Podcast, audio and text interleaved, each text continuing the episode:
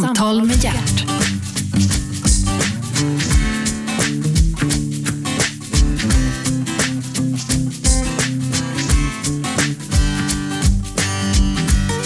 God morgon och hjärtligt välkomna till Radio 1, pratradiokanalen nummer 1. Programmet heter Äntligen, jag heter Gert Fylking och äntligen är Jan Guillou här. Välkommen Jan. Tack så mycket. Du, en del hävdar att man ska kalla dig för Janne. Nej, det är nog ingen som hävdar, men det, det är ett skämt eh, att göra det om man vill förminska mig eller retas eller någonting sånt där. Det finns ju Ja- Jan som är Jan och det finns eh, Jan som är Janne och jag är en sån Jan som är Jan. Du är Jan helt enkelt. Eh, men, men de sådär påstår då att ja, men jag känner honom så jag kallar honom för Janne. Ja, just det, det är då de avslöjar sig. För den som, den som eh, det visste redan mina barn när på den tiden jag hade barn som svarade i telefon hemma att så fort de frågade efter Janne så var det någon idiot som inte kände mig. Nå, okej. Du, och sen ska vi se här, nu ska vi ta dina namn här. Jan, Oskar, Sverre, Lucien, Henri, Guillou. Ja, med viss reservation för uttalet på Lucien. Lucien. Okej, jag ber om ursäkt. Eh, jag tar födelsedatumet också, 17 januari 1944 i Södertälje. Du, vad, många namn. Eh, ett par svenska, eller svenskklingande, Sverre norskklingande, Lucien och Henri, definitivt franska. Mm. Kom de inte överens, dina föräldrar eller? Nej, det där är, uttrycker motsättningen mellan en fransk och en norsk familj med för tiden distinkt olika politiska uppfattningar. Okej. Men, men eh, din pappa var alltså fransman, han jobbade vid franska ambassaden. Din mamma hade hamnat i förskingringen från, från Norge och kommit till Sverige. ja, hela familjen hade flyttat till, eh, från Norge till Sverige. Var det på grund av kriget eller var det på grund av annat? Det har nog med kriget att göra, men det finns saker från 40-talet som man talar mycket tyst om i somliga familjer. Okej. Har du, Jag, har, jag, har du anar, jag anar vad det kan handla om, men det har aldrig sagts högt. Nej. Var Quisling en god vän till familjen? Nej, det tror jag inte. Utan jag tror att det var så här att eh, morfar och hans bröder var eh, helt germaniserade på samma sätt som våra barn av idag är amerikaniserade. De har hela sin utbildning där i Tyskland. De blir alltså pro-tyska. Ja, men det var inget konstigt på den tiden. Man, alltså det, idag så jagar man eh, naturligtvis nazister och så vidare och folk med blåslampa och folk som har tillhört nazistiska partier eh, då, un- under, under eh, den tiden. Men det var, tiden var ju den. Den var ju sån. Ja, alltså eh, det, om man är utbildad i Tyskland så kommer man för resten av sitt liv att hävda att tysk litteratur är den förnämsta, tysk musik är den förnämsta, tysk ingenjörsvetenskap är synnerligen den förnämsta Ja. och eh, Tyskland eh, är bäst. Och så- Deutschland, Deutschland über alles. Men du, Ja. eh, du, du är ju så gammal, du är ju till och med äldre än vad jag är. Annars brukar jag alltid vara äldst. Du är ett år äldre än vad jag är. Eh, det var ju så att på den tiden när vi började i skolan så var ju tyska, det var ju det språket man läste. Ja, du, och jag, Engelskan kom ju... och- du och jag tillhör precis den Brytningen. generation som får engelska som första främmande språk. Mm. Vi är absolut först med det. Dittills hade det alltid varit tyska. Så Mm. nu, nu 1955 när jag är 11 år och börjar läsa engelska, då har tyska precis det året blivit andra språk. Just det. Och, för det tog tio år att få fram en ny generation lärare. Ja, men, men så det där med det där tyska, tyska arvet eh, som våra föräldrar, dina och mina nu pratar jag om, och, och deras generation tillbaka, våra morfödrar och farfödrar och allt vad det är. Det är inget konstigt att det var på det sättet, menar jag, att man var Nej, pro-tysk. Nej, så ungefär som de flesta ungdomar idag är pro-amerikanska. Ja, exakt.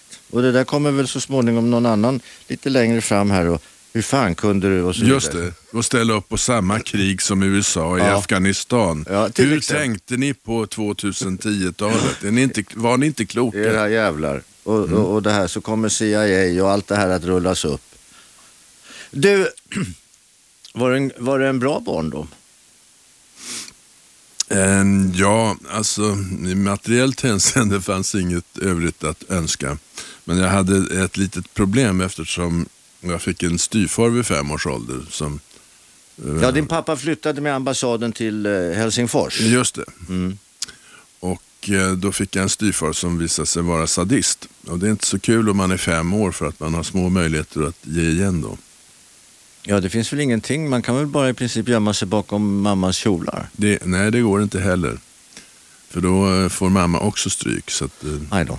ja. Ja, det där kom ju fram, eh, delar av det där kom ju fram i din bok Ondskan så småningom. ja. Du, eh, du växer upp, du går i skolan, du börjar på, eh, i Stockholm, Norra Real. Nej, Vasa. Oh, förlåt, Vasa Real. Exakt, förlåt mig. Vasa Real uppe vid Odenplan. Mm. Där blir du religerad. Ja. För att du har ställt till en jävla massa oreda. Ja, Misshandel och stölder och skit. ja, ungefär så. Var du helt missanpassad? Det var jag nog.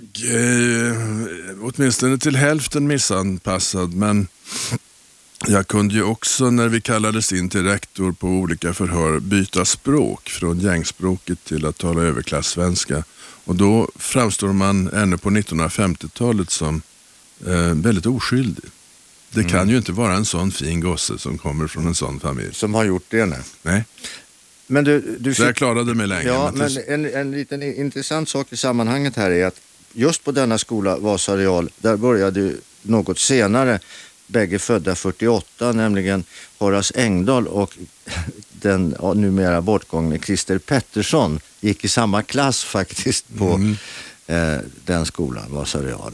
Och Christer hävdade med en dåres envishet att han faktiskt, jag skrev faktiskt i alla fall bättre uppsatser än Horace Engdahl. det kan jag mycket väl tänka mig. Ja, jag med faktiskt. Därför att om det handlar om eh, Fritz eh, fri fantasi som mycket gör i uppsatsskrivning i skolan eh, så vinner den odisciplinerade eh, över den som redan vid 11 års ålder har börjat bära portfölj och känna sig vuxen och, och stänger in sig i principer. Ja, själv gick jag på eh, en skola inte så långt därifrån, Norra Latin. Mm. Så att eh, jag känner till dem. Jag gick faktiskt en sväng på, eh, på eh, Norra Real också. Faktiskt. Eh, min pappa var rektor i Solna läroverk och försökte få sin son att få en trevlig, god, bra utbildning. Det lyckades inte tyvärr. Men dig lyckades det för. Du tog så småningom studentexamen. Ja. Latinare. Ja, till och med nyspråkare. Latinlinjens nyspråkliga linje vilket innebär att man slipper latinet efter två år och byter ut det mot spanska. Jaha, men du, du slapp grekiskan. Ja, det är helt klassiskt. Det är hopplöst. Alltså det var illa nog med ett dött språk. Att läsa två döda språk. Ja, men du är inte latinet i alla fall ett ganska spännande språk att ha i botten, även om man inte eh, använder sig av det. Men ur, rent ur ett intellektuellt perspektiv, är det inte det? Jo, det är klart att det, det innebär att man fattar med medicinska termer och sånt där ganska snabbt. Man behöver, exempelvis. inte, man behöver inte läsa FASS. Nej, det, är, ja, det beror på på vilken nivå när vi ska börja diskutera sjukdomar. Men eh, medicinska termer, en hel del politiska termer. Eh, jämför, jämförelse med Pax Romana, alltså den romerska freden som härskar över världen. Är Nu det är en Pax Americana. Okej. Eh, Sånt där hänger man med på med, med hjälp av det latin man en gång lärde sig. Man kan stava sig igenom en rumänsk tidning också kanske. Jaså, till och med det? Mm. Hur långt borta från, från latinet ligger det rom, rumänska? Rumänska är inte särskilt, alltså det är ett eh, romanskt språk precis som spanska och italienska. Ja, det ja, det där är väldigt intressant. För en gång i tiden menar jag att man i, i, uppe i Norden här pratade i princip samma språk. Isländska, Ja, i, ungefär. Ja. Jag, det, vi kan återkomma till det, men jag, jag gick på skola i, i England på internatskola. Eh, till skillnad mot dig som gick på en internatskola i Sverige och du skrev en bok om det. Jag gjorde inte det om min. Men i alla fall, då, då fick jag läsa eh, i denna skola eh, en författare som var långt före Shakespeare, nämligen Chaucer. Och denna Chaucer hade skrivit en, en, eh, liksom en inte en roman utan det var en, en, eh, en poetisk, som Eddan ungefär, som Mm. beskrivning. Jaha, så läste jag den och så fick vi hålla på och plugga den och så fick man lära sig den där orden och vad de betydde och så vidare. Sen kom jag upp till i, i eh, Dalarna, Älvdalen. Där har de ju ett jävla fikon. ett speciellt mål. Älvdalsmålet skiljer sig så mycket från andra dialekter i Sverige att man kan undra om det inte skulle räknas som ett särskilt språk. Ja, men det är ju ett särskilt språk. Sen, så på, som på alla hotell, eh, så ligger ju en bibel ofta, eller låg i alla fall. Då ligger Nya Testamentet översatt till älvdalsmål, eller åtminstone någon av de här epistlarna, Ja. eh, eller vad de heter. Titta på det. Men vad fan, det här är ju, det här är ju precis, åtminstone läsmässigt, alltså skrivmässigt, det här är ju precis som Chaucer. Alltså det är samma, samma språk. Ja, jag kan inte Nej, det, jag, vare sig instämma eller tillrättavisa här. Men var väldigt intressant. Menar du alltså att du har gjort en unik eh, lingvistisk eh, upptäckt som ingen Ja. annan i världen skulle ha kommit på? Nej, det vill jag inte påstå att jag har gjort. Men däremot så hör man ju berättelser om de här eh, vikingarna och så vidare som, som åkte land och rike kring. De kom ju till andra länder. De kommunicerade ju trots allt med varandra. De pratade ju med varandra. Ja, alltså de som landsteg på 800-talet eh, eh, på de brittiska öarna tycks ha kunnat eh, inleda konversation Ja, omedelbart. och då måste det ju vara någon form. Då, det var det där. Så. Det var min lingvistiska upptäckt där som låg till grund för detta. Du, eh, om vi nu eh, går tillbaka lite grann till din barndom. Du, du eh, blev skilsmässobarn, vilket inte var så jävla vanligt på den tiden i och för sig. Va? Nej, det var förknippat med en social skam och sådär. Mm, det var det. Och då var du ändå en, en eh, ja, man får väl räkna dig till överklass. Ja. Och det var väl ännu mer skämmigt kanske? Mm, nej, Det var det inte. Jag tror att överklassen kom undan lättare med sådana Som saker. alltid. Ja, ja. som alltid Som med allting. ja, ja. Som alltid med allting. Alla oegentligheter. Hörni mina vänner, ni lyssnar på Radio 1. Programmet heter Äntligen. Jag är Gert Fylking och äntligen är alltså Jan, Oskar, Sverre, Lucien, Henri, Guillou här. Eh, Vi är strax tillbaka. Vi ska ta upp det där med ondskan om ett litet ögonblick.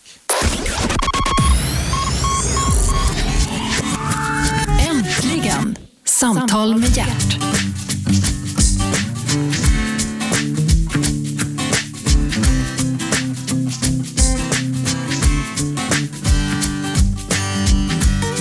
Välkomna tillbaka. Du lyssnar på Radio 1. Programmet heter Äntligen och äntligen är alltså Jan Guillou här. Ni vet att ni kan lyssna på Radio 1 på antingen 101,9 i Stockholm med omnejd eller på appen om ni är supermodern och är ni bara normalt med i tiden så kan ni alltså lyssna via datorn på Radio Anetta, radio1.se.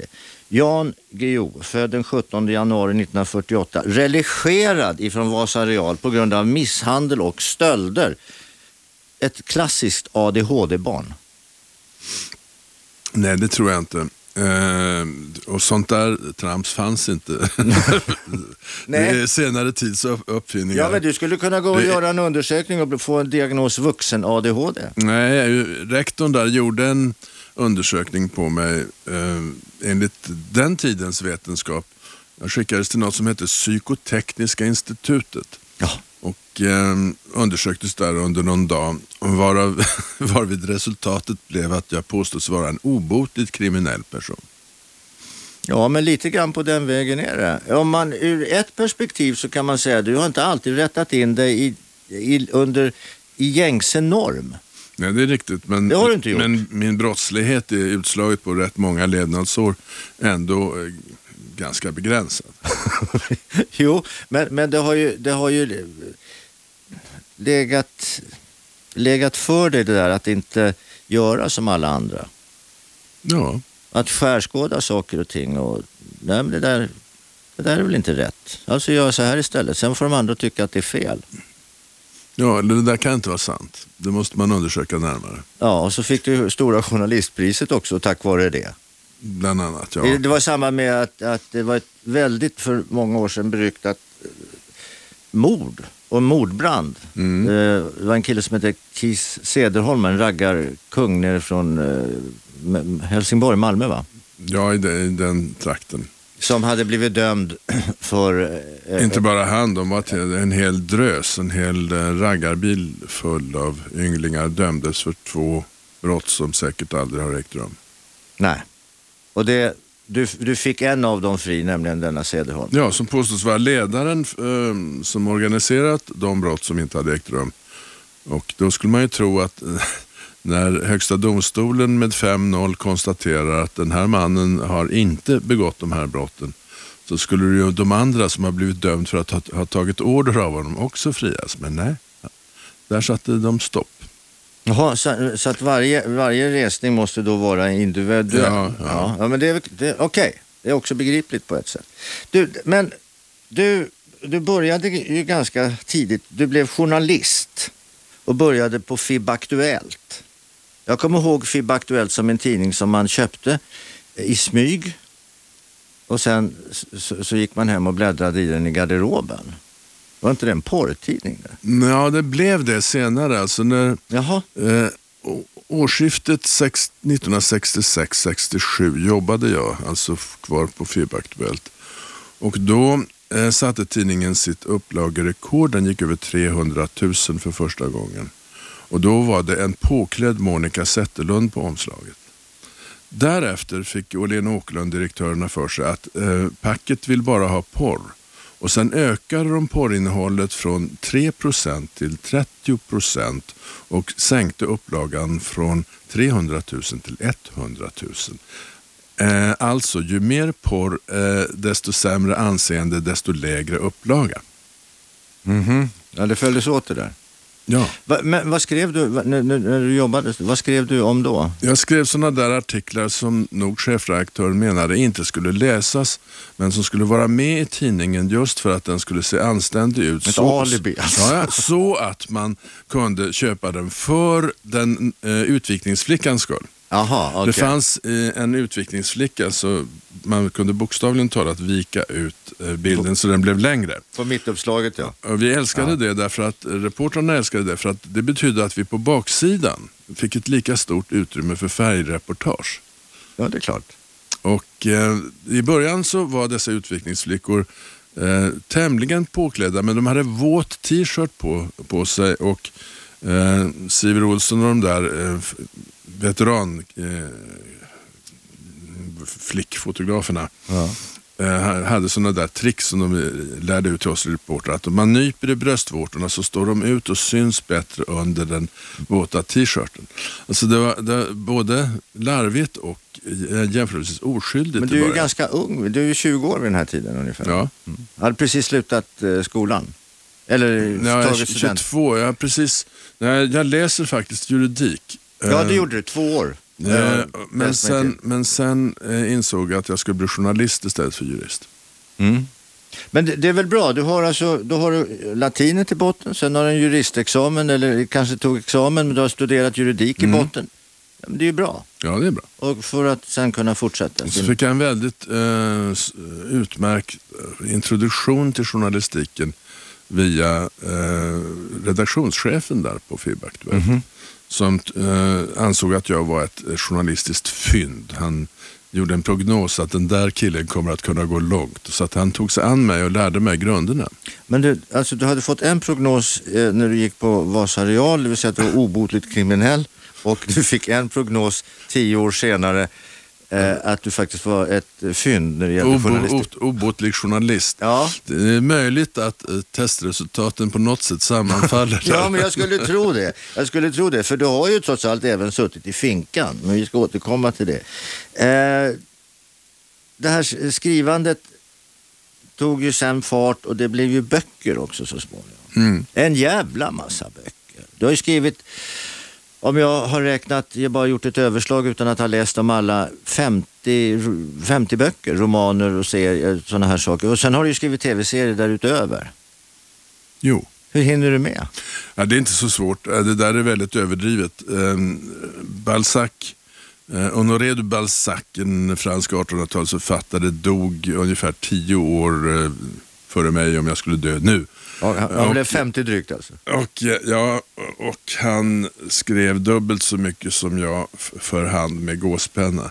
Och anledningen till att han dog så tidigt var att han åt och drack ännu mycket mer än vad jag gör. Mm. Så man ska inte överdriva det här.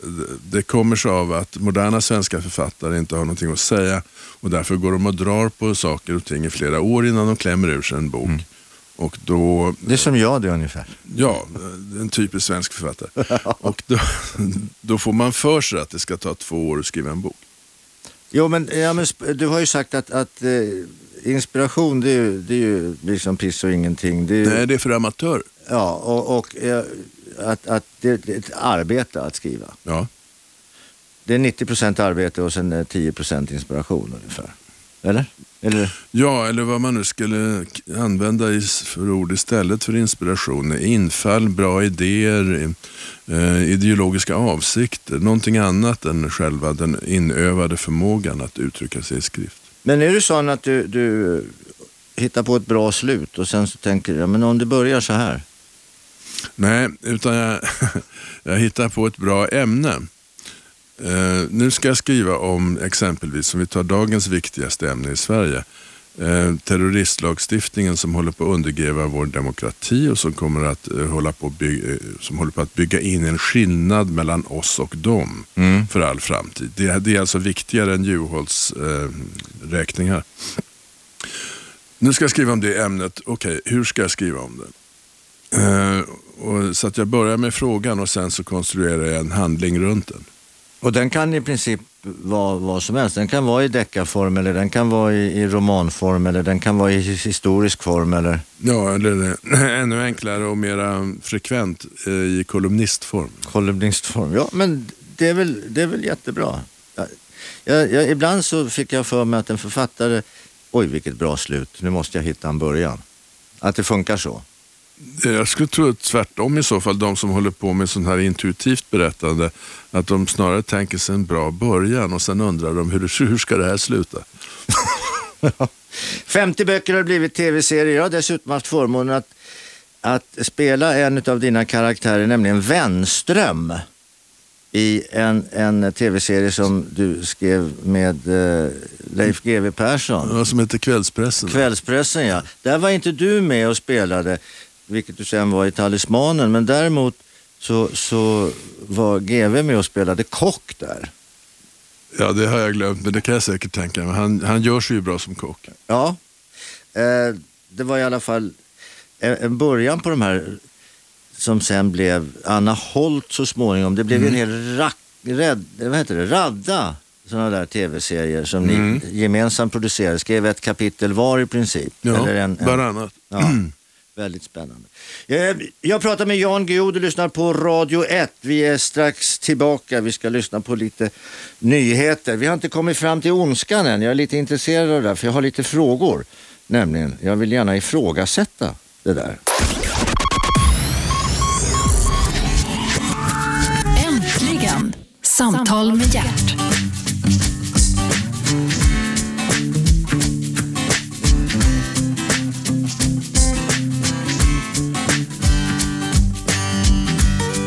Välkomna tillbaka! Vi lyssnar på Radio 1, du lyssnar på programmet Äntligen och äntligen är alltså Jan Guillou här. Jan, eh, du är ett år äldre än vad jag är. Ett, ja, faktiskt ett år äldre än vad jag är. Du är född 1944, 17 januari. Eh, växte upp i en familj som inte höll så länge. Din mamma kom från en norsk familj och din pappa kom från en fransk familj, därav det konstiga namnet. Många har svårt att uttala och säger Guliot.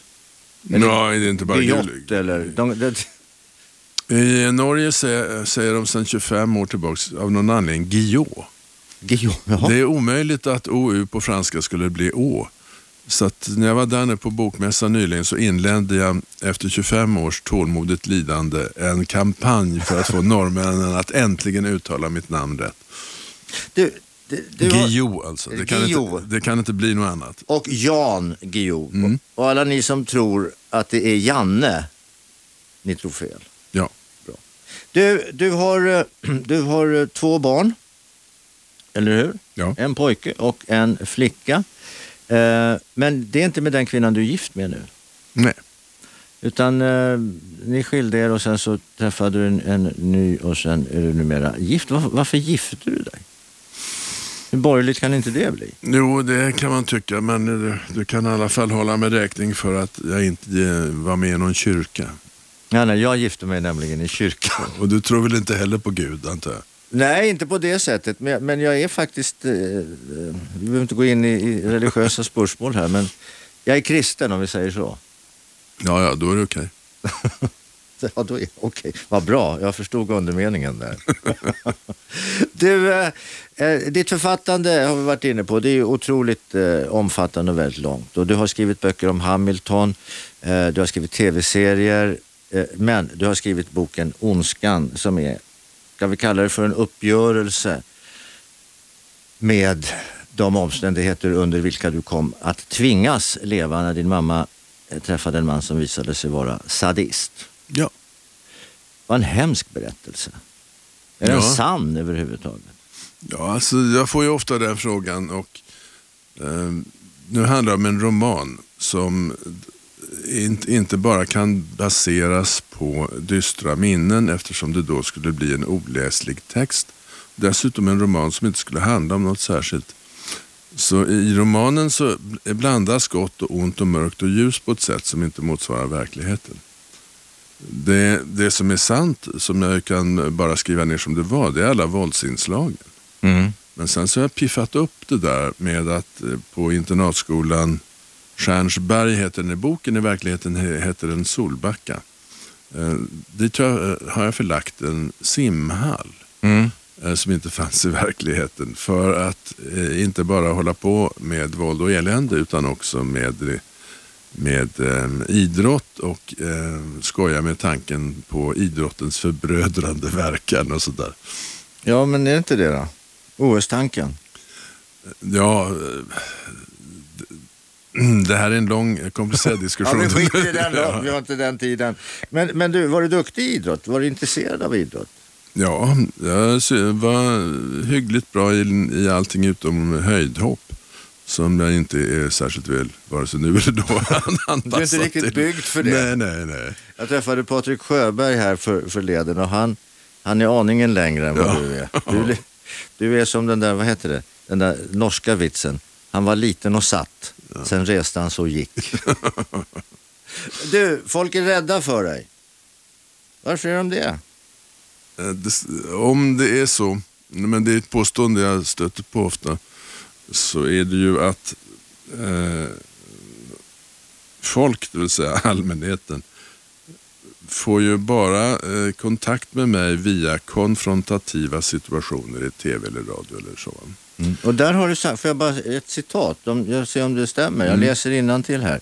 Jag brukar vinna debatter på tv för att det är brutalitet, snabbhet och hänsyns, hänsynslöshet som gäller, snarare än ett förhållande till sakfrågan. Ja, så är det tyvärr. Alltså, vi... Det, det Har- påstås att det är du som har sagt det nu. Ja, nej, det där låter bekant och jag instämmer i alla fall med det påståendet. Så det där eh, har jag säkert sagt.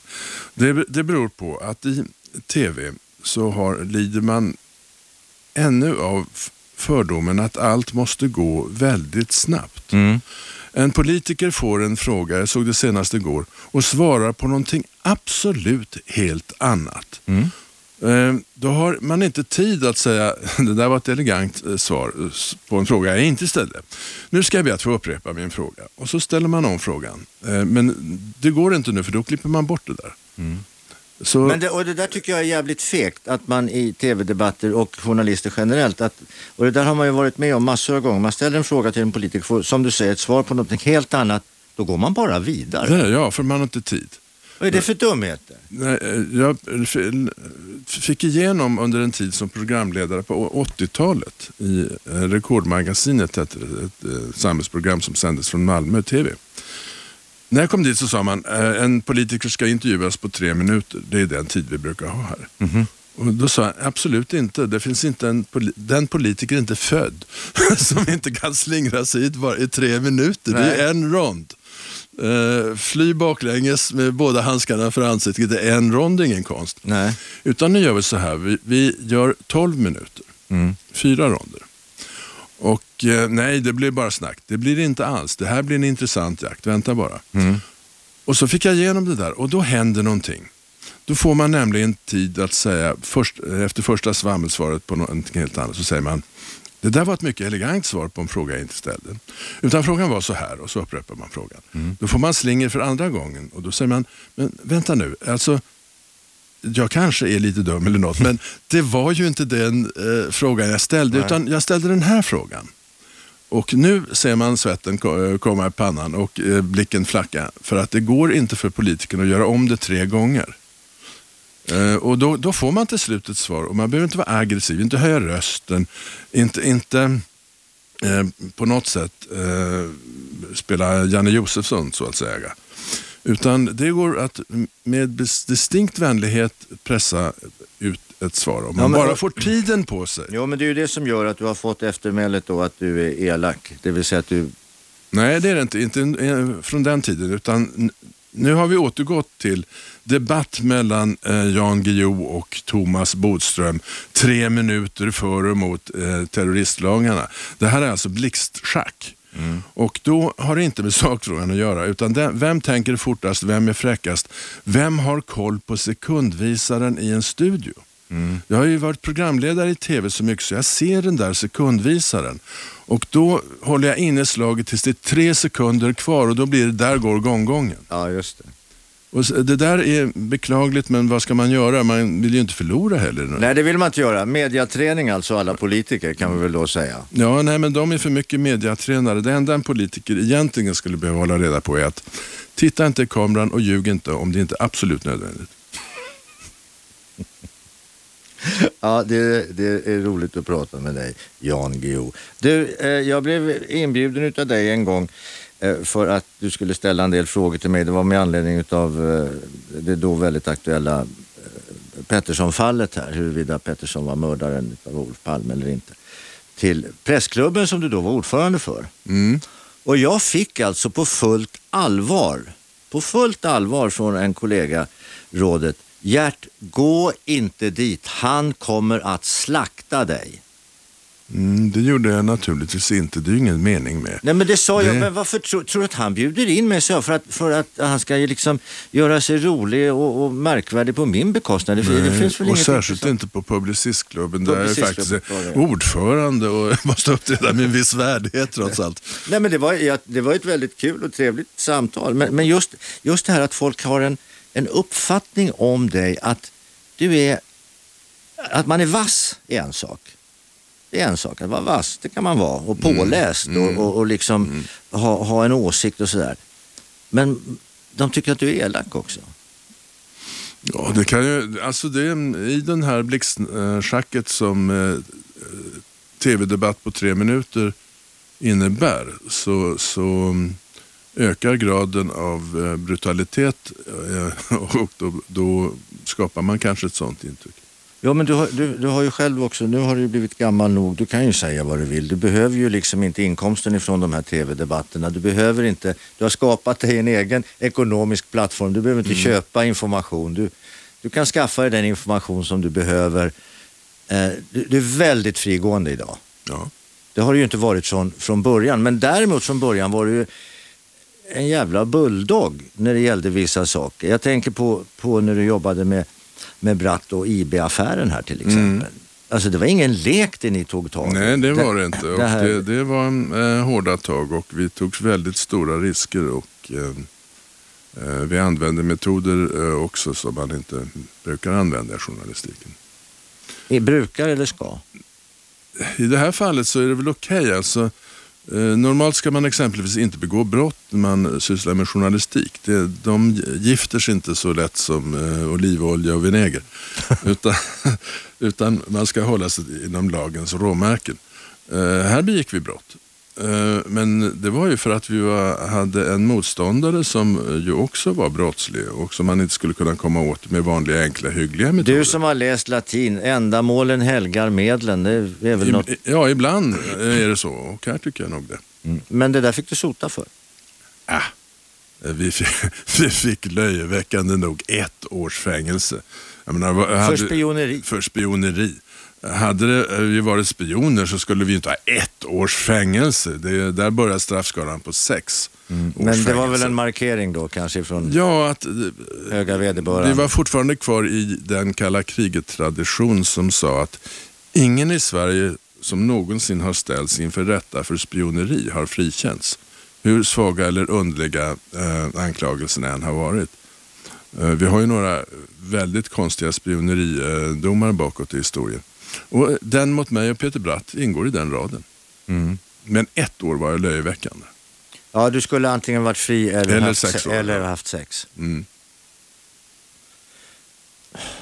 Det här du, rättspatoset, var kommer det ifrån? Internatskolan.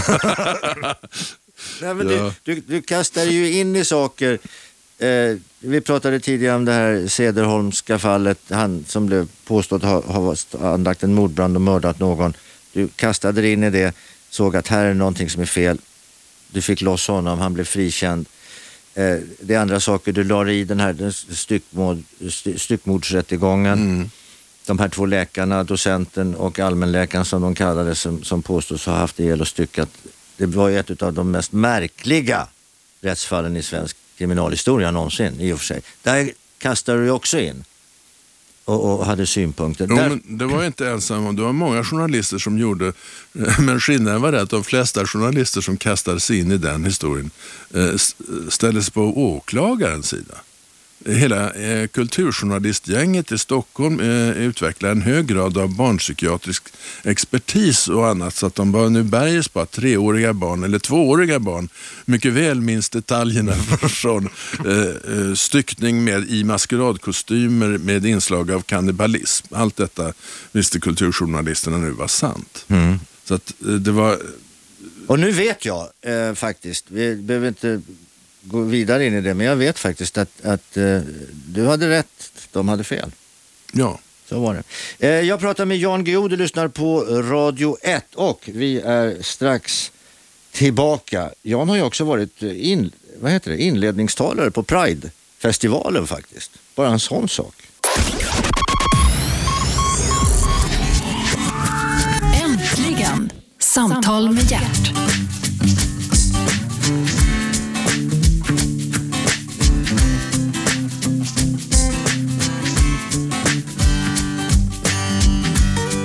Välkomna tillbaka, du lyssnar på Radio 1. Samtalet med Jan Guillou fortsätter. Jan Guillou, du har ju minst sagt tidigt tagit ställning i den så kallade Israel-Palestina-frågan.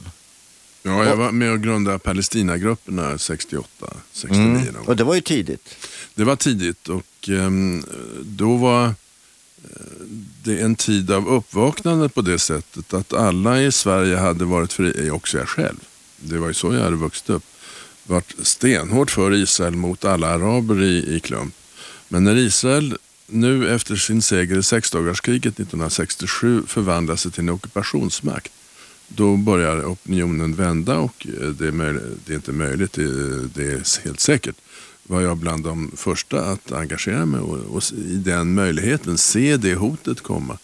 Så att de uppfattningar som var väldigt kontroversiella på 70-talet eh, och Ja, de, det kan vi de, säga, de har ju blivit majoritetsuppfattning idag. eh, det vill säga att du gjorde jämförelsen med att Israel var som dåtidens Sydafrikas apartheidssystem alltså helt enkelt. Och det kanske är så. Är det där vi håller på att hamna själva? I den här nya terroristlagen som håller på att gå igenom? Nej, men vi håller på att bygga in en, en motsa, motsättning på lång sikt som vi inte kan bedöma vartåt den leder. Alltså, saken är ju trots allt den att alla som heter Ahmed eller Mohammed eller något liknande idag eh, är här för alltid i Sverige. Alltså om 200 år så är deras barn och barnbarn eh, uppblandade med svenskar säkert fortfarande här. Och antingen kan det då bli som i Spanien att det inte är konstigt ett dugg att ha ett efternamn som den berömda regissören Almodovar. Fast detta all onekligen visar att det är ett arabiskt Ja, namn. exakt. han, han kommer från eh, Mårerna. Antingen blir det så att, att eh, vi inte höjer på ögonbrynet åt någons ursprung. Eller också behåller vi den här sverigedemokratiska uppfattningen att det finns någon sorts svenskhet.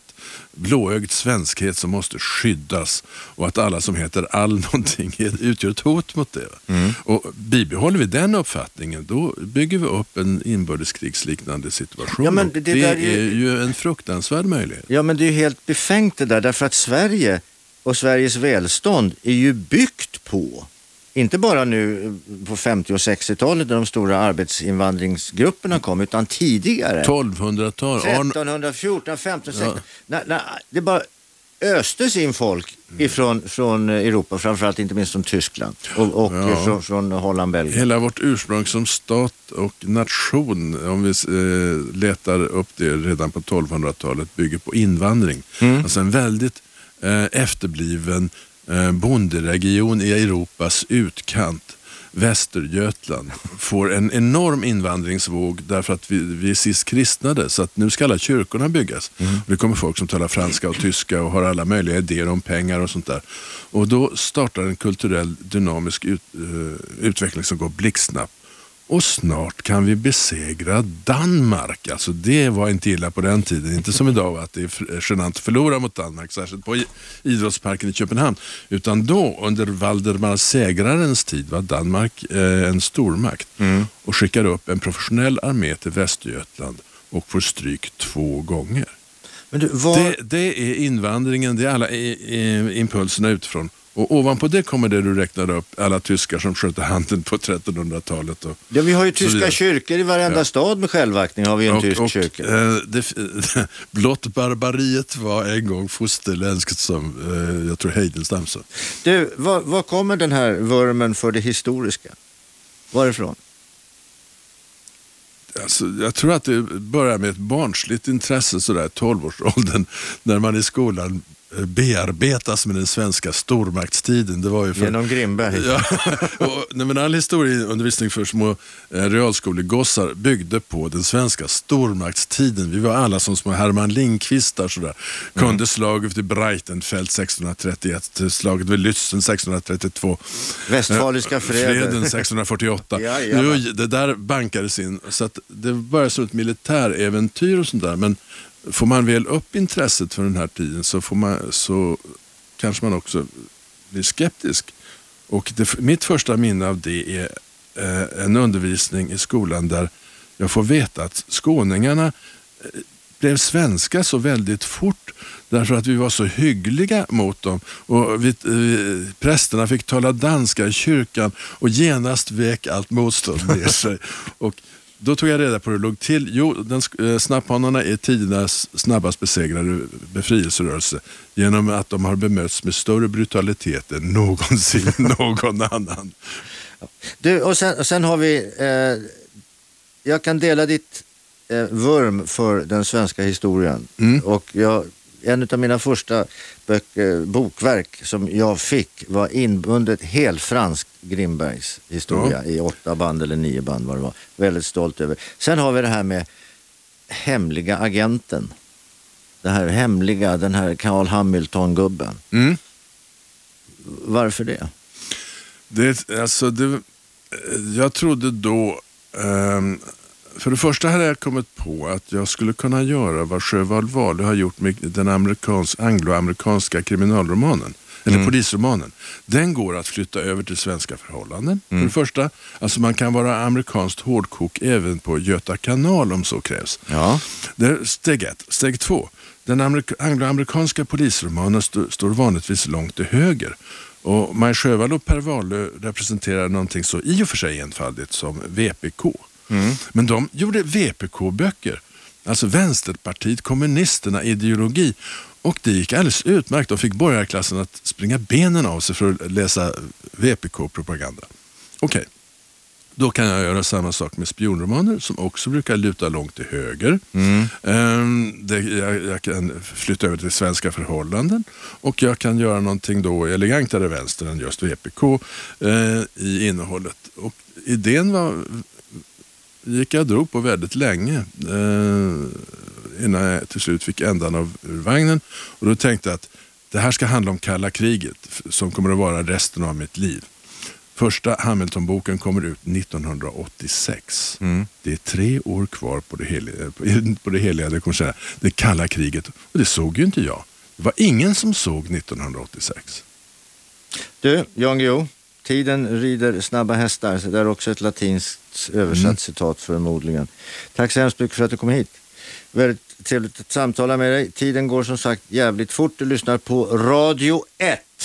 Nu stänger du inte av radion eller vad du nu lyssnar på din dator eller på din app därför att om ett litet ögonblick så kommer Robert Aschberg att dyka upp i sagda källa och honom kan ni ringa in, det vet ni. Ni kan börja ringa nu 0211 12 13. Tack för att ni lyssnar på Radio 1. Vi hörs imorgon. 101,9 Radio 1. Sveriges nya pratradio.